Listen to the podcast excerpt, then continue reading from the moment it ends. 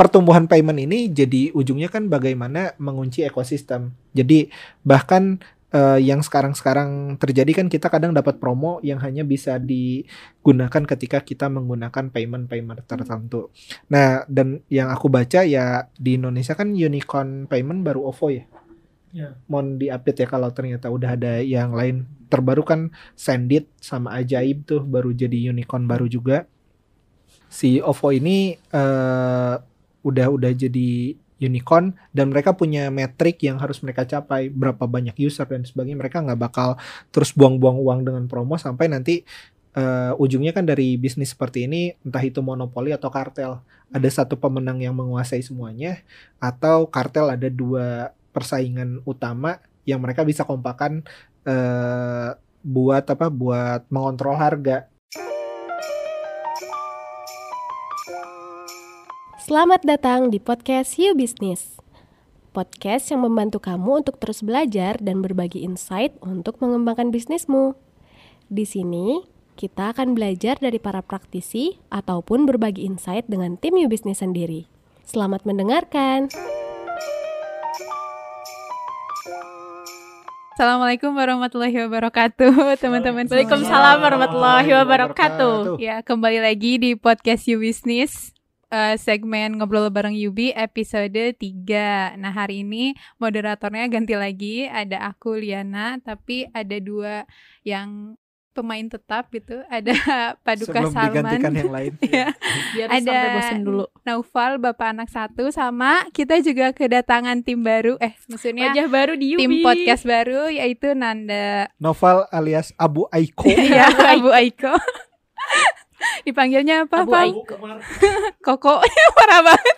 Gak tau Kok nama kucing aku oke Merangkap. Ya, nah Nanda ini tuh salah satu tim paling muda di UBI, tapi dia semangat belajarnya sangat tinggi. Jadi Dalam rangka eksploitasi tenaga kerja ya. Iya, sebenarnya itu hanya kalimat pencitraan aja teman-teman. Oke deh. Nah, eh, di episode kali ini sesuai judulnya kita mau bahas soal Harbolnas atau Hari Bola. Nasional gini. Garing. Hari Belanja Online Nasional. Berat ya, berat nih. Pressure. Mungkin Eh. nanti siapa yang moderator baru? Iya. baru baru dua menit udah mau diganti lagi ya. Oke, nah eh, di Harbolnas ini kita mau bahas sebenarnya Harbolnas tuh sejak kapan sih adanya? Terus kira-kira UKM ada yang perlu disiapin atau enggak sih? Terus tadi kira-kira sebenarnya siapa sih yang paling diuntungkan dengan adanya Harbolnas ini gitu? Kan Harbolnas bentar lagi ya sekitar sebulanan lagi. Bahkan sebenarnya sekarang mah tiap bulan juga ada Harbolnas gitu ya. Nah, mungkin kita langsung aja kali ya bahas eh, sebenarnya dari sejarahnya dulu Harbolnas tuh sejak kapan ada dan kenapa gitu. Mungkin dari Nanda ada? Orang-orang mah bahas sejarah, sejarah negara, sejarah mana gitu. Kita sejarah Harbolnas, cuma you business lah. Enggak sih banyak nanti Ayo. Aduh. Ah, jadi teman-teman udah pada tahu belum sih kayak kita itu kan belanja belanja doang tahu sejarahnya kagak gitu ya. Nah, si Harbolnas itu sadar nggak sih kita udah terjadi sejak kapan gitu loh. Ternyata si Harbolnas itu udah terjadi beberapa tahun ini udah hampir sekitar 8 atau 9 tahun berarti. Karena si Harbolnas itu pertama kali diadakan pada tanggal 12 12 12 eh, 12 Desember 2012. Jadi Indonesia? udah lumayan ya, lama di ya Indonesia-nya Indonesia. ya dua- 2012. Nah, kemudian dari si tanggal 12 12 12 itu ternyata penjualannya itu mendong eh, kayak jadi terdongkrak dra- drastis drastis. Maaf ya grogi.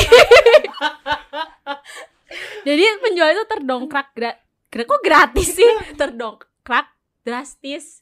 Nah, jadi terus dari tanggal 12 12 12 itu dicoba lagi lah di tahun 2013 ternyata juga hasilnya tuh sama-sama bagus.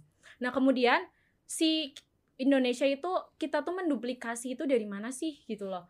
Kok bisa tanggal ganda itu dijadikan tanggal yang kayak wah ini cocok nih untuk kita mencoba menjadi hari belanja online nasional di Indonesia. Tahu nggak? Tahu. Ya Jadi tuh ya Indonesia tuh sebenarnya juga bukan karena ide orang Indonesia sendiri, tapi kita tuh juga terinspirasi dari negara-negara di luar negeri ya emang luar negeri sih kayak Jerman, Cina, Amerika, Inggris, Kanada. Jadi tuh di Amerika sendiri tuh ada namanya Black Friday. Nah, jadi jadi di Black Friday itu diadakan diskon besar-besaran untuk menarik minat pembeli. Serius amat dengerinnya kenapa sih? kenapa sih serius amat? Nah, jadi dari Kenapa ya? Nah, terus ada juga nih eh, se- untuk tanggal 11 11 ada yang tahu nggak 11 11 itu dirayain untuk apa kalau di luar negeri? Black. Friday. Bukan ya? Eh, si itu single Oh, single, single days. day. Eh, Kalau- eh, Kalau hari Black jomblo. Friday itu harus di Friday. Eh, sepertinya iya.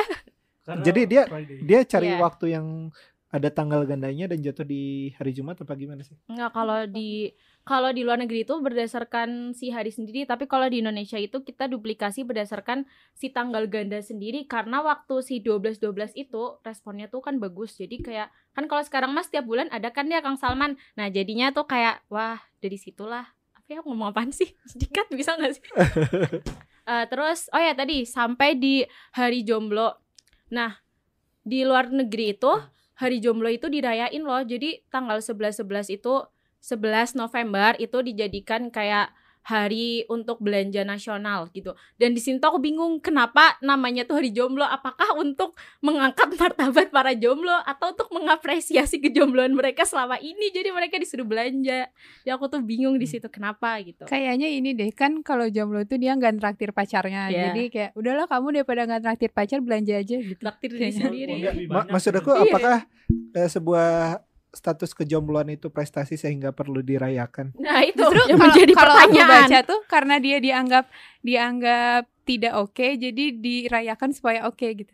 Jadi eh, sekumpulan orang-orang tidak berprestasi cari momen bersama buat merayakan Ketidakberprestasian mereka. ah, betul seperti itu. Maaf ya. Aduh. Lanjut. Ya, yang nonton udah jomblo, gak punya duit tuh kayak Terus Dan- kuota udah dikit, eh, listrik udah Ultraman. Oke, Beban hidup Tinut, tinut, tinut. Ayo lanjut.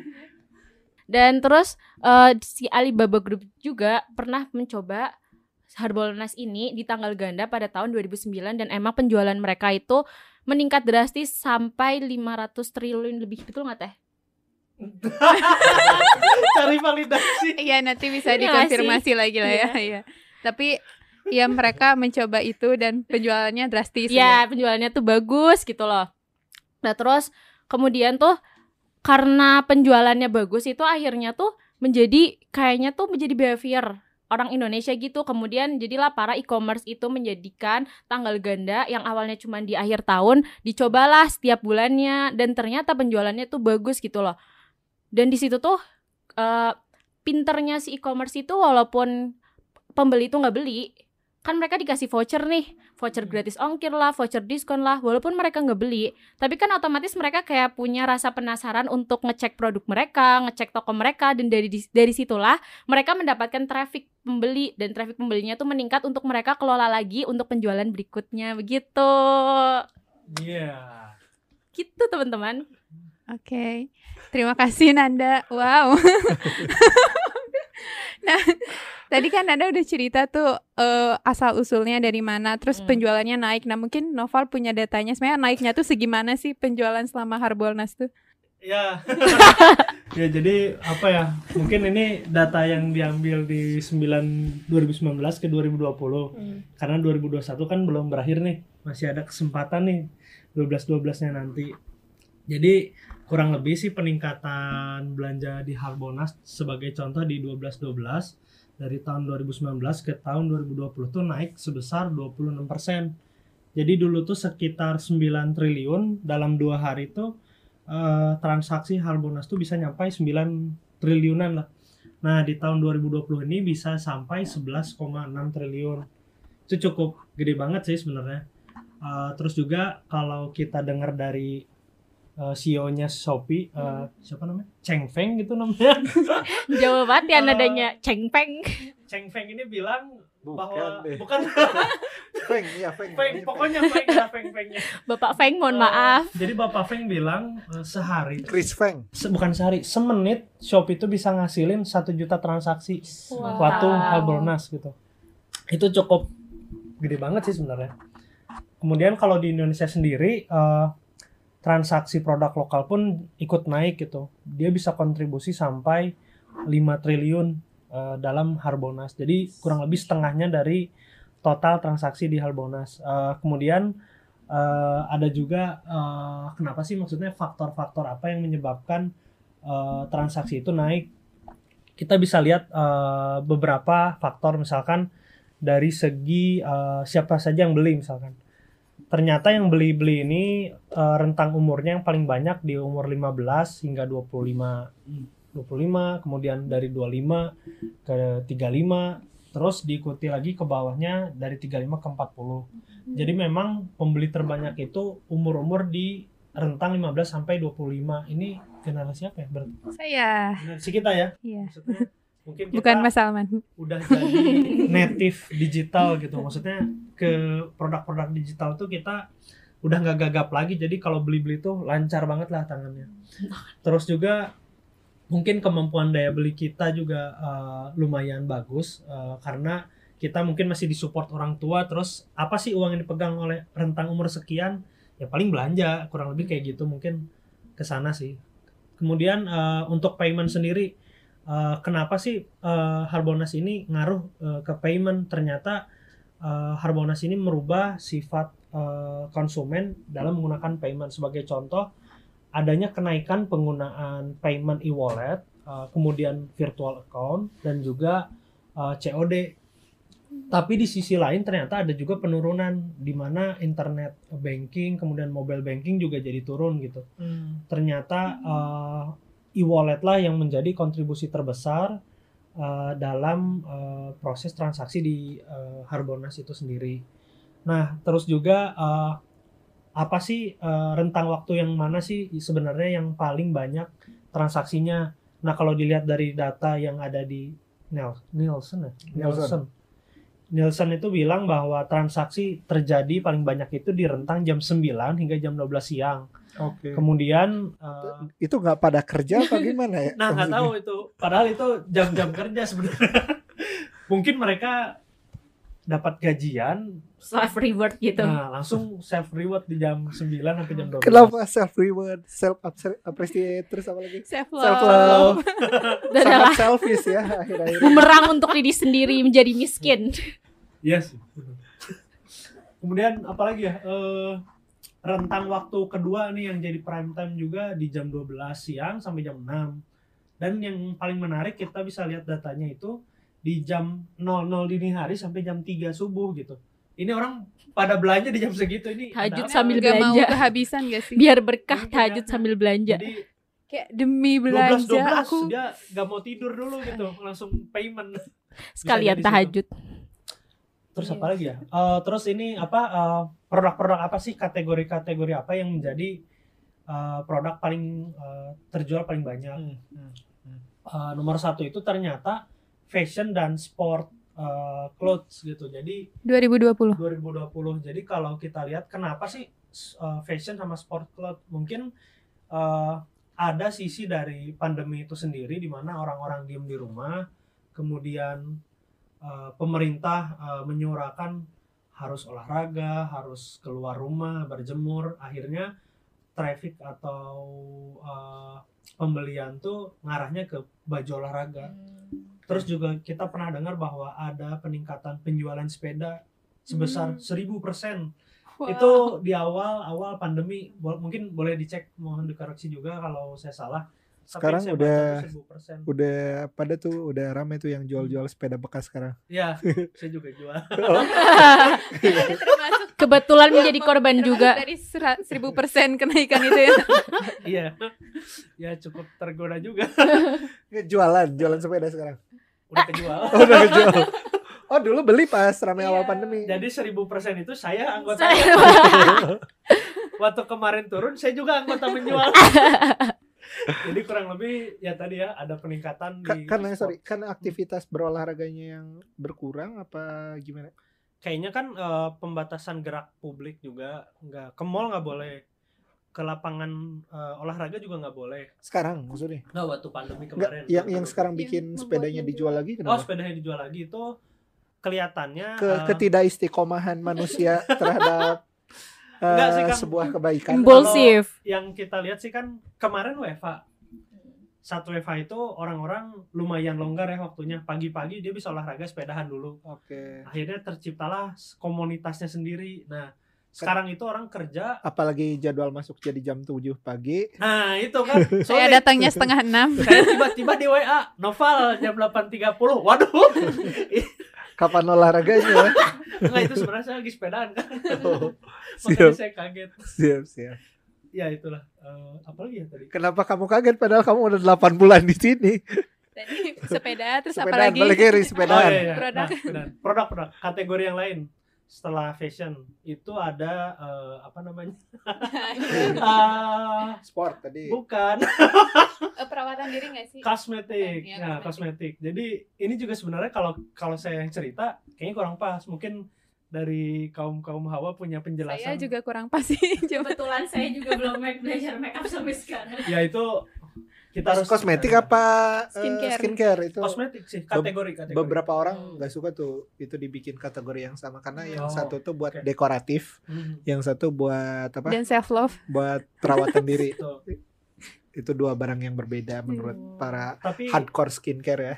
bisa jadi sih kalau case-nya misalkan ya eh, ada zoom kan Hmm. mereka mau kelihatan tetap perform gitu ya di Mhm. di zoom itu jadi mereka nggak mau nggak mau dia beli kosmetik dandan dulu pas zoom jadi kelihatan oke juga gitu. Atau mungkin ada waktu luang juga sih kalau aku lihat Hmm. beberapa teman aku tuh karena kayak make up tuh bukan cuman buat diliatin ke orang gitu, Oke. tapi kayak karena seneng aja gitu oke. make up. Sebenarnya eh, apa tadi buat buat yang zoom itu lebih murah mana sih Eh, beli skincare apa beli kamera yang lebih bagus aja? Nah itu Buat online gitu yang sebenarnya. bisa auto glowing kan ada tuh Nah itu, nah zoom. tergantung tujuannya kan. Kalau tujuannya buat ke orang lain, mungkin kamera lebih mudah. Nah tapi Hmm. kayaknya kebanyakan orang pakai skincare dan make up kayak sama kayak orang sepedaan mengisi waktu. Ada yang karena pengen aja buat dirinya gitu. Hmm. Oke. Mungkin sih. menarik sih oke Terus apalagi? kategori ketiga tuh ada gadget sama teknologi nah mungkin juga karena keterpaksaan orang untuk menggunakan teknologi di rumah terutama kalau kita lihat sih kan ada belajar online yang mau nggak mau orang tua eh, dari siswa yang eh, sebelumnya sekolah offline itu harus beli gadget kan beli HP beli Mm. tab atau beli laptop untuk anaknya sekolah. Atau juga orang-orang tua yang lain juga yang biasa kerja lapangan itu juga mulai tuh harus beli laptop karena kerjanya mulai offline. Eh online sorry nah eh, kemudian eh, untuk personal maksudnya tadi kan kategori nih. Tapi apa sih yang menjadi paling banyak orang beli eh, dalam sisi personalnya? Yang pertama itu ada tadi personal care kayak yang mungkin skincare atau care-care yang lain. Terus yang kedua ada makanan itu juga meningkat banget eh, di posisi keduanya makanan. Mungkin kita jadi sering banget tuh beli di Gojek, GoFood atau Shopee Food sekarang bahkan ada juga Stocky Food Iya, Stocky Food. Stocky. Dan, Cek stocky.id ya teman-teman di bawah. ya, masuk ya. ya ada Stocky Food itu juga jadi behavior baru gitu orang beli online kemudian yang ketiga tuh ada Minimal di Wangsa Ningrat lah ya. ya 16. ada ini apa daycare apa apa ya aku lu aku kurang inget pokoknya kayak pet food terus Hmm. diapers kayak popok online juga pada beli tuh jadi orang udah mulai berubah kemudian eh itu sih Menarik sebenarnya ngebahas tadi budaya apa budaya Hmm. eh, memelihara binatang peliharaan ya. Oh, iya. Eh, itu kalau pakai kaidah customer acquisition sama lifetime value itu Hmm. kamu ah, kalau aku jadi eh, pemilik pet shop Hmm. aku kasihin tuh eh, anak-anak kucing ke tetangga-tetangga supaya kamu supaya nanti beli mereka makanan. beli makanan sampai kucing itu mati kan kan sesederhana itu kan sebenarnya jadi kamu akan selama itulah menjadi customer saya gitu Ya. sampai kucingnya mesti diadopsi atau ke tempat yang lain Hmm. jadi dari sisi bisnis sebenarnya menarik ya Hmm. buat buat berbisnis di sisi pet shopnya sebagai sebagai pet shop bukan sebagai eh, pemelihara kucing ini mohon ya eh, para para pecinta kucing diehard ini juga harus memahami juga dari eh, sisi yang lain gitu Berhati-hatilah. apalagi yang makanan kucingnya lebih mahal daripada makanan anaknya gitu enggak lanjut jujur saya juga jadi ikut-ikutan melihara kucing Oh, gitu. sekarang tuh? waktu kemarin Iya. awal pandemi Banyak duit ya. Oh lagi musim sepeda nih beli. musim pet shop. Tapi- Eh, pet. Ini calon-calon bapak-bapak yang kalau nanti di masa tua ngurus burung perkutut gitu. Ayam pelung gitu. Jemur-jemur pagi gitu ya. cuman yang kasihannya tuh kan teman-teman tuh punya kucing lah ada empat Hmm. di kucingnya masih kucing-kucing umur tiga bulan gitu pas pandemi itu dia melihat masih melihara seneng gitu tiba-tiba besok besoknya tuh udah hilang satu hilang dua hilang tiga taunya nemu di tetangganya. Nah ini juga jadi Diambilin gitu. iya diambilin. Jadi kenapa ya gitu. Orang-orang jadi Selain kultur memelihara kucing, kultur mencuri juga naik ya akhir-akhir ini. Enggak memelihara juga tapi kucing orang. ya benar oke oke. Kita lanjutin lagi. Jadi eh, oh ya satu lagi sih sebenarnya. Kan kalau kita lihat nih eh, daya beli masyarakat waktu pandemi sebenarnya harusnya turun kan karena eh, pekerjaan banyak yang hilang gitu. Betul. Eh, terus juga mungkin ada beberapa perusahaan yang menurunkan eh, gajinya juga ke ke si ke si pekerjanya. Cuman yang anehnya itu kenapa eh, peningkatan transaksi di online itu malah malah naik gitu. Nah bisa jadi kalau kata Nielsen bilang eh, orang tuh terpaksa pindah sih sebenarnya kan dari mall dari warung-warung dekat rumah mungkin terpaksa pindah ke online. Yang akhirnya walaupun daya beli masyarakat turun kalau orangnya di yang banyak tadi disatuin ke satu traffic ya jadi naik juga sih sebenarnya ya mungkin itu sih tambahan Eh, Abu Aiko, Nanda mau tanya dong. aduh Jadi kan tadi kan disebutin nih produknya. Ikonnya udah dianting. Lanjut. Gemoy banget ya, sumpah. Iya Estetik lucu, banget. nggak kayak bapaknya. Lucunya kayak ibunya. Eh, tadi kan disebutin nih eh, produk ya produk yang naik apa aja kayak Hmm. skincare, kosmetik, terus juga fashion. Ya. Nah kan kalau pandemi ini kan sakit gitu ya, penyakit gitu, berhubungan dengan penyakit. Apakah eh, produk obat-obatan, produk medis, pro- produk vitamin gitu naik juga penjualannya? Mungkin bisa dijelaskan, Abu Aiko? ya gimana ya yang saya baca sih saya belum pernah baca Hmm. maksudnya ada terjadi penaikan apa enggak cuman kalau saya interview satu-satu teman saya gitu yang kerja apa sih yang perusahaan kamu lakuin gitu ke, ke kalian sebagai pekerja gitu?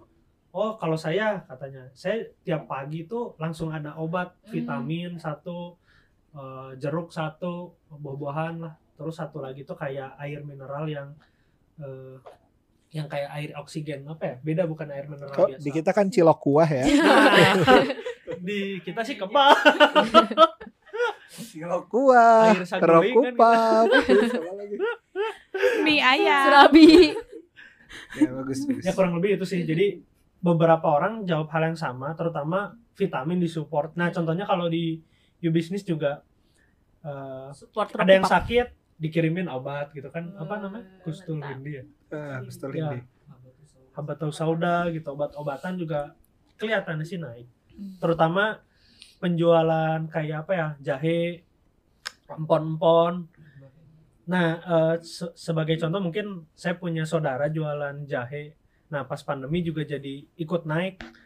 Eh, kemudian juga saya pernah dengar bahwa eh, Kementerian Pariwisata tuh ngebuka eh, apa namanya jadi kapal pelni nih buat nyebrang ke pulau lain. Kan ada pelni tuh nah dia tuh malah nyediain servis khusus untuk para penumpangnya itu jahe gitu jadi Oh. menariknya tuh eh, konsumsi terhadap herbal malah jadi naik sih jadi, jadi- Keren, keren. Termasuk saat Harbolnas juga mungkin jadi salah satu ya. hmm, Gitu. kayaknya Eh balik lagi ke Harbolnas tadi ya. Ada yang menarik dari Nopal tuh masalah e-wallet meningkat. Ya. Mungkin juga karena eh, kita baru bisa dapat promo ketika pakai E-wallet. metode pembayaran e-wallet kan. Hmm. Nah, mungkin Mas Salman punya insight juga terhadap ini, kenaikan e-wallet ini. Eh, sebenarnya kan eh, ujung dari bisnis ekosistem ini kebanyakan mereka di payment kan. Eh, lagi-lagi eh, dari Mas J juga ada empat stakeholder di ekosistem toko online, traffic, platform, eh, logistik sama payment. Nah, payment ini jadi katalis untuk semua bagian. Hmm. Sesederhana ini deh. Misalnya eh, ada satu aplikasi point of sales eh, yang record bahkan mereka nge-record sampai ke komposisi bahannya misal contoh kayak gini aku bikin es kopi susu Hmm. terus ada penjualan aku catat tuh penjualan di si point of salesnya Oh. ketahuan tuh produk paling terlaris katakanlah es, kos- es kopi susu yang gula aren kan Iya. itu kan biasanya paling paling rame Eh, di di dalamnya dia ngisiin komposisi kira-kira kenapa sih harus sampai diisi. Eh, kalau aku aku akan ambil data itu Eh, dalam artian kalau aku jadi si operator si point of salesnya aku bisa tahu berapa konsumsi liter susu dari satu gerai per hari Betul. gula arennya berapa, terus esnya berapa sehingga nanti aku bisa cariin alternatif supplier yang bisa masuk ke sana dan Hmm. udah ter- terukur si serapannya kan yang menarik ini di dunia makanan atau di dunia konsumsi gerai-gerai seperti ini tuh adalah bagaimana memprediksi konsumsi. Nah, dengan digitalisasi tadi bikin cara mencatat dan forecastingnya jadi lebih mudah. Nah, eh, sesederhana gini kalau udah ketahuan konsumsimu 5 juta rupiah per bulan bisa nggak aku kasih eh, dana talang atau bisa nggak aku kasih barang di depan? Karena aku udah tahu sebenarnya eh, kamu bayarnya pakai apa. Hmm. dan dengan payment tadi dia bisa membypass eh, margin itu dari hulu ke hilir. Payment itu canggihnya di sana apalagi mereka sudah terintegrasi. Eh, kalau misalnya kita udah tahu eh, penjualan martabak dalam satu bulan aja jutaan pieces berapa banyak mungkin eh, data yang bisa diambil kira-kira buat satu martabak tuh butuh berapa butir telur dan berapa ton telur yang bisa didistribusikan ke merchant-merchant ini. Itu sih si si payment di sana. Nah, pertumbuhan payment ini jadi ujungnya kan bagaimana mengunci ekosistem. Jadi bahkan eh, yang sekarang-sekarang terjadi kan kita kadang dapat promo yang hanya bisa digunakan ketika kita menggunakan payment-payment tertentu. Nah, dan yang aku baca ya eh, di di Indonesia kan unicorn payment baru OVO ya. Ya. Mohon di-update ya kalau ternyata udah ada yang lain. Terbaru kan Sendit sama Ajaib tuh baru jadi unicorn baru juga.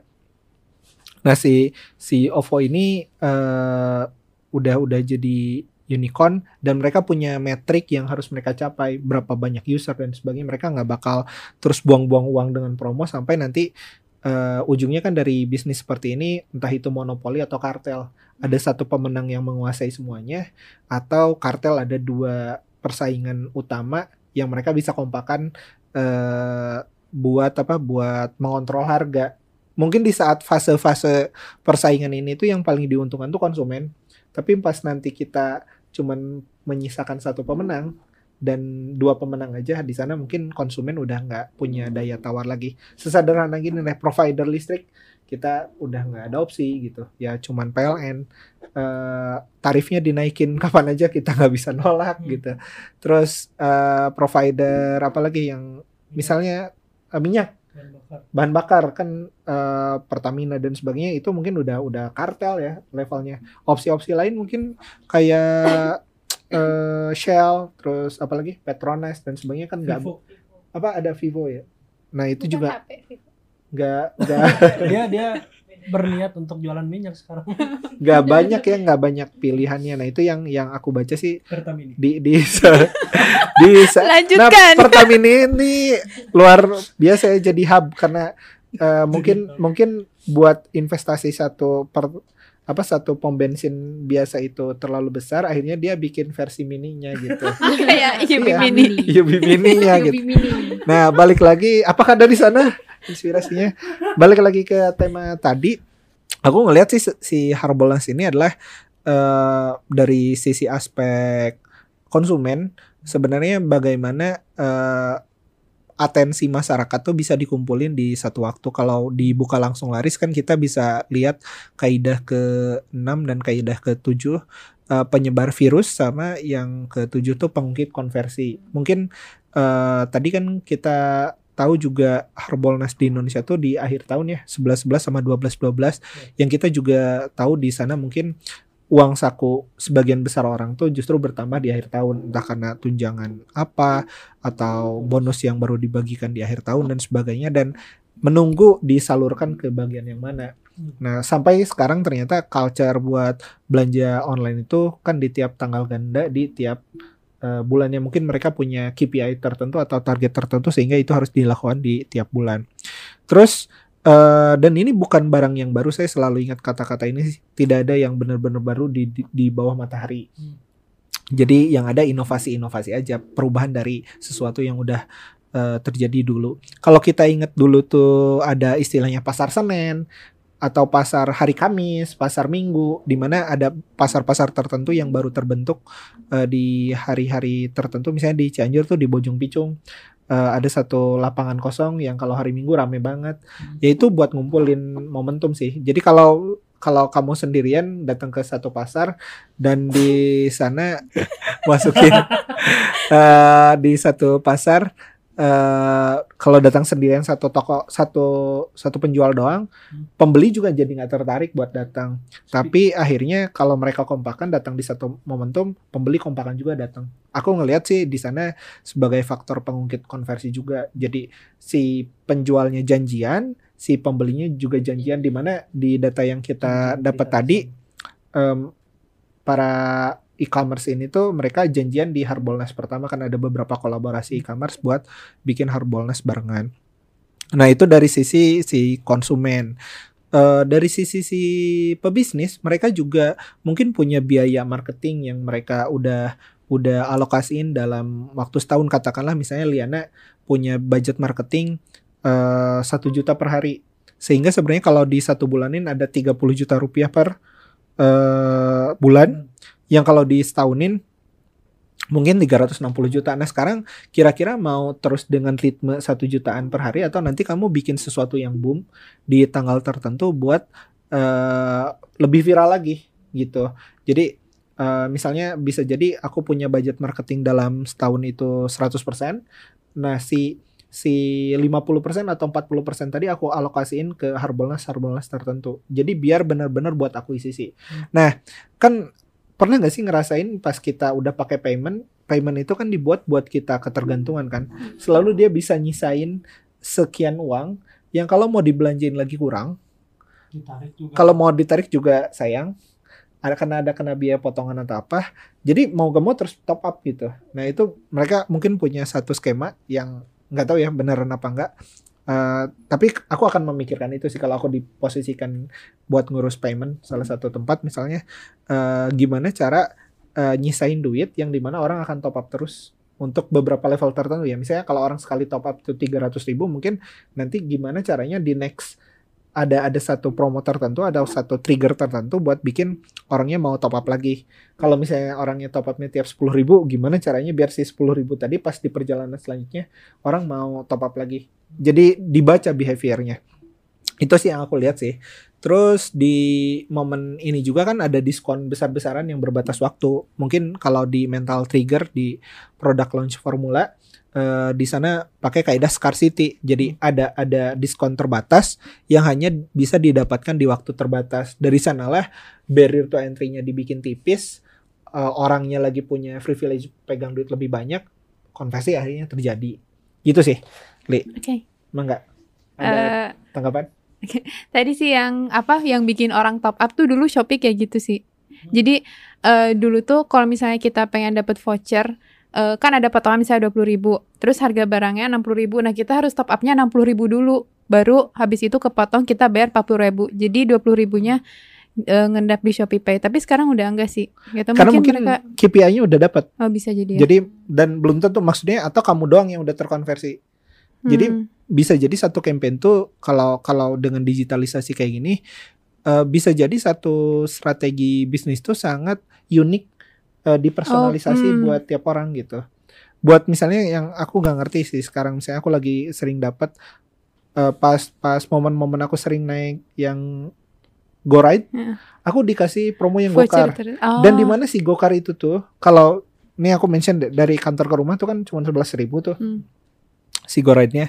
Tapi kalau aku pakai Gokar, eh, Gokar tuh 18.000 ribu.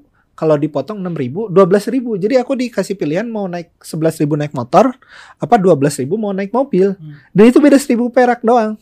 Dan nanti tinggal dicek aja aku butuh cepet apa butuh teduh gitu. Kalau butuh cepet tetap naik motor, butuh teduh naik mobil. Nah itu dia, aku yakin sih eh, eh, akan ada orang yang mikirin hal ini sih. gitu dan itu terjadi Oke. gitu. Terus kalau misalnya tadi yang kata Mas Salman kayak gitu gitu ya. Jadi masa depannya tuh eh, yang kartel dan sebagainya. Terus kalau dari segi pebisnis dan konsumen eh, sikap kita harusnya gimana tuh Mas? Eh, kan tentu ini kalau pakai dari aspek pebisnis ya, Hmm. eh, semuanya tuh netral sampai ada keberpihakan. Hmm. Maksudnya dalam artian eh, ini kan cara-cara bagaimana kapitalis bekerja Hmm. Da- dan eh, dia jadi buruk sampai eh, menghasilkan dampak buruk gitu. Hmm. Bahwa eh, menyi- menyisakan orang-orang yang akhirnya eh, punya kebiasaan latte expense, eh, beli beli budaya beli kopi mungkin bisa bisa dilihat. Padahal dua tahun lalu kita bisa hidup tenang tanpa kopi ya. Sekarang- Kenapa tapi- sekarang harus beli kopi mulu? baru hari ketiga ini saya minum obat. Nah, maksudnya eh, budaya itu akhirnya jadi jadi eh, merubah merubah juga dari sisi aspek konsumen. Nah, aku ngomong dari sisi aspek konsumen sendiri ya. Dengan scarcity tadi beneran nggak sih kita tuh perlu produk ini hari itu gitu. Eh, dan dan ini aku sering sering gelisah sih dalam dalam berbagai macam hal ya. Eh, nanti sampahnya gimana? Walaupun ini di sampah juga ada ada kajian menarik bahwa ternyata sampah plastik tidak seberbahaya itu. Ini kabar buat saya ya. Eh, ada pecinta lingkungan yang mengkampanyekan anti plastik dan sebagainya, tapi ada campaign lain yang teman-teman bisa searching di Google bahwa plastik juga tidak sebe- seberbahaya itu katanya. Kata produsen plastik. Iya mungkin mungkin siapa yang mem- membiayai membiayai ini Campaign dan akhirnya dia ngomong eh, si plastik ini eh, kuncinya justru di penanganan di apa di si sampahnya ditanganinya mau seperti apa. Nah tapi lagi-lagi kan setiap action tuh ada orang yang berkepentingan. Aku nggak mau eh, di di bab yang aku nggak paham betul aku nggak masuk ke sana. Tapi eh, bisa dibayangin nggak bahwa ternyata masalah itu terjadi di oh nggak apa-apa kok plastik nggak apa-apa eh yang penting gimana menanganan. Tapi kalau udah tempat sampahnya depan rumahmu banget, masa sih kamu nggak ngerasa terganggu gitu? Eh, atau misalnya sungai-sungai di sekitarmu eh, udah rusak, masa sih kamu nggak terganggu? Nah, apa apa harus kamu rasain sendiri sampai kamu ngerasa itu urgent gitu? Nah, karena kan kita tuh tidak mau berubah karena mungkin dampaknya nggak kita lihat langsung dan rasakan langsung. Nah, balik lagi ke si Harbolnas dari aspek konsumen, mau gak sih eh, gini deh simpelnya kalau kalau kata Mas Jaya, kita seneng nggak omset kita naik seneng, Eh, orang belanja produk kita seneng, tapi kalau yang belanja itu anak kamu ngabisin orang ngabe- ngabisin duit orang tuanya buat belanja sesuatu yang sebenarnya dia nggak perlu, kamu masih mau nggak? Nah itu kalau kalau ke orang lain gak mau kenapa eh kalau ke, ke orang lain boleh kenapa ke anak kita nggak boleh? Nah di mana nurani kita di saat itu itu ya. Jadi maksudnya di di mana nuraninya sampai sampai misalnya eh, kita demi keuntungan semata atau demi duit yang lebih banyak dari biasanya ada nilai-nilai yang kita eh, dobrak gitu. Itu dari sisi konsumen. Jadi orang punya kultur beli sesuatu padahal belum belum berkebutuhan gitu. Tapi ini sih Kang sama kayak bapak-bapak gitu ya. Tadi kan anak-anak ya sih. Eh. Bapak-bapak itu kalau masuk S hardware peralatan banyak kan. Saya perlu ini. Pas keluar nyampe rumah baru sadar buat apa ya gitu. Iya, berarti kan sebenarnya itu Itu terjadi di di segala semua, macam ya. usia. Nah, terus jadi pebisnis, pebisnis yang mau seperti apa gitu. Eh, apakah yang seperti tadi atau juga kita mengedukasi konsumen kita ujungnya kan produk yang ngangenin dan sebenarnya ada bar ada harga ada barang Eh, dengan bar- harga yang murah pun teman-teman sudah berapa sering sih dikecewakan dengan harga yang didiskon kayak gitu terus tahu nyampainya kayak gimana gambarnya bagus banget pas datang kayak gimana. Nah itu juga ujungnya eh, barangkali ada satu barang yang harganya lima kali lipat tapi usia usianya mungkin 10 kali lipat. Nah itu juga kita harus sama-sama kompakan sih buat buat yang sama sama punya kesadaran yang sama kompakan memahamkan konsumen bahwa eh, nggak selalu dengan diskon-diskon kayak gini tuh teman-teman perlu beli juga. Terus eh, dari sisi apa dari sisi si produsen sendiri eh ini tuh jangka pendek banget. Eh, culture kayak gini tuh jangka pendek banget. Ya terserah sih nggak mikirin jangka panjangnya atau gimana cuman eh, kalau kita nggak nggak kompakan ya jadinya efeknya nggak kerasa. Sama eh, ketika beberapa orang kompakan buat menciptakan satu culture, eh, harusnya yang punya kontra culture tuh kompakan juga buat menciptakan kontra culture tersebut. Jadi terus teman-teman kan punya budget iklan terbatas dan Hmm. sebagainya. Si waktu simak manusia tuh segitu-gitu aja. Maksudnya mereka punya waktu 24 jam. Yang dari 24 jam itu berapa persen sih waktu yang mereka habiskan buat nonton satu iklan. Nah, sekarang pemain-pemain besar juga lagi invest eh invest dana yang besar ya. Kalau teman-teman nggak mainnya di marketplace atau di e-commerce tertentu, eh, teman-teman main deh sendiri ngiklan. Eh, ini tuh rebutan atensi dengan dengan pemain-pemain besar tadi. Misalnya orang punya sejam dan kita tahu beberapa algoritma di eh, platform penyedia traffic itu eh, pakai sistem lelang dalam artian yang bayar lebih mahal punya kesempatan buat tampil lebih banyak dan dan ketika kondisi tersebut apakah kita mau terlibat terhadap persaingan tersebut atau nanti cari waktu yang lain aja ini juga biar biar teman-teman perhatikan betul sih waktu yang pas atau jangan-jangan malah boncos ikutan boncos pas lagi kondisi orang-orang eh, pemain-pemain besar tadi spend banyak buat iklan mereka itu mungkin Li. Jadi itu tadi ya. Jadi sebelum kita berpikirkan biasanya eh Harbolnas nih kita harus ngapain? Mungkin kita harus berefleksi dulu gitu sebenarnya eh, apakah kita perlu ikutan di Harbolnas ini? Sebenarnya Harbolnas ini tuh eh, tujuannya eh, siapa sih yang paling diuntungin dari Harbolnas ini gitu. Terus dampak buat behavior konsumen gimana? Jangka panjangnya gimana? Termasuk tadi juga rebutan atensi gitu. Jangan-jangan eh, sebenarnya kalau kita ikutan kasih promo diskon di momen itu malah jadi nggak oke gitu karena keburu sama pihak-pihak yang udah lebih gede tadi gitu ya. Nah, Nenek mau Iya. tanya nih Kang. Kang sendiri kan jelasin ya kalau misalnya penjual kita tuh punya pilihan mau menguntungkan keuntungan kita aja atau kita memikirkan nurani yang tadi yang kayak mereka kenapa orang lain boleh nah kita nggak boleh gitu. Nah kalau Kang Salman sebagai penjual apa yang akan Kang Salman pilih? Apakah untuk mengambil keuntungan tersebut atau sambil memikirkan eh, untuk konsumen juga gitu? Kalau produknya bagus sih sebenarnya aku pede juga ya buat buat jualannya karena beneran proven bermanfaat buat mereka. Dan dan kita juga harus akui tidak semua produk you business tuh bagus. Dan kamu juga bisa perhatikan mana yang aku promoin dengan sukarela mana yang jarang banget aku bahas. Eh yang menandakan sebenarnya kalau kalau Salman ditanya sebagai Salman you business eh, aku nggak bisa tuh punya dua wajah Salman you business dan Salman netral. Maksudnya gini dan Salman Al-Farisi. Dalam Abu artian- Umar. Maksudnya gini, eh, kalau aku ditanya eh, platform eh, yang nyaman buat manage multilink, aku cukup pede ya buat ngomongin UBID pakai tapi untuk beberapa produk yang lain misalnya aku belum bisa sepede itu. Nah, aku juga harus harus punya sisi itu biar biar nanti deh pas mau produk-produk kita udah bener bagus kita eh, bisa promoin itu. Nah, persis sama kalau ternyata aku punya anak dan anakku pengen bisnis online eh, apakah produk yang aku kelola jadi jadi yang akan aku tawarkan hanya karena kan aku juga pengen anakku lancar usahanya dan sebagainya. Nah, itu yang eh, kita bisa pakai alat ukur itu sih buat buat buat eh, ngecek nurani kita. Hmm. Sesederhana teman-teman yang mungkin jualan produk diskon murah dan sebagainya tapi mengabaikan aspek kualitas eh, bahkan membahayakan si penggunanya.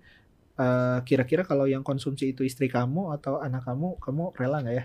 Ini saya ingat kata-kata ini justru pas dulu ada seorang sahabat yang jualan keripik pedas yang seneng banget kalau misalnya keripik pedasnya laku tapi pas ditanya kalau anaknya makan keripik pedas ini tiap hari seneng nggak? Enggak lah bisa sakit.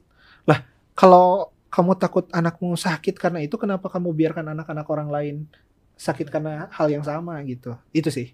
Kan ada pilihan nih yang kita punya. Kalau misalnya teman-teman memilih untuk ikut Harbolnas, mungkin tadi ada konsekuensinya juga, entah rebutan atensi sama e-commerce yang udah besar dan lain-lain. Itu dari aspek pebisnis. Terus mungkin kalau dari aspek konsumen juga kita perlu evaluasi lagi nih. Biasanya kan eh, banyak gitu ya orang-orang di sekitar kita atau mungkin kita sendiri yang gara-gara Harbolnas tuh segala dibeli gitu. Padahal sebenarnya nggak butuh-butuh banget gitu. Kecuali Kalau misalnya- Iya sampai set alarm yang aduh ini lucu gitu kapan lagi harganya murah yang ternyata kalau udah nyampe mah butuh gitu jadi eh, tapi kalau misalnya emang kita lagi ada butuh sesuatu gitu kan mumpung ada diskon nanti bisa ditunda dulu gitu kan pada saat eh, Harbolnas belanjanya gitu lah ya mangga eh, kan setiap orang eh, pilihannya ada di teman-teman sendiri. Mungkin kalau teman-teman punya pendapat juga boleh banget langsung aja tulis di kolom komentar. Gue ada pendapat nih teh.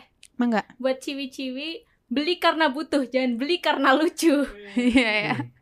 Kalau butuh dan lucu boleh ya. Beli semua. Gaskeun.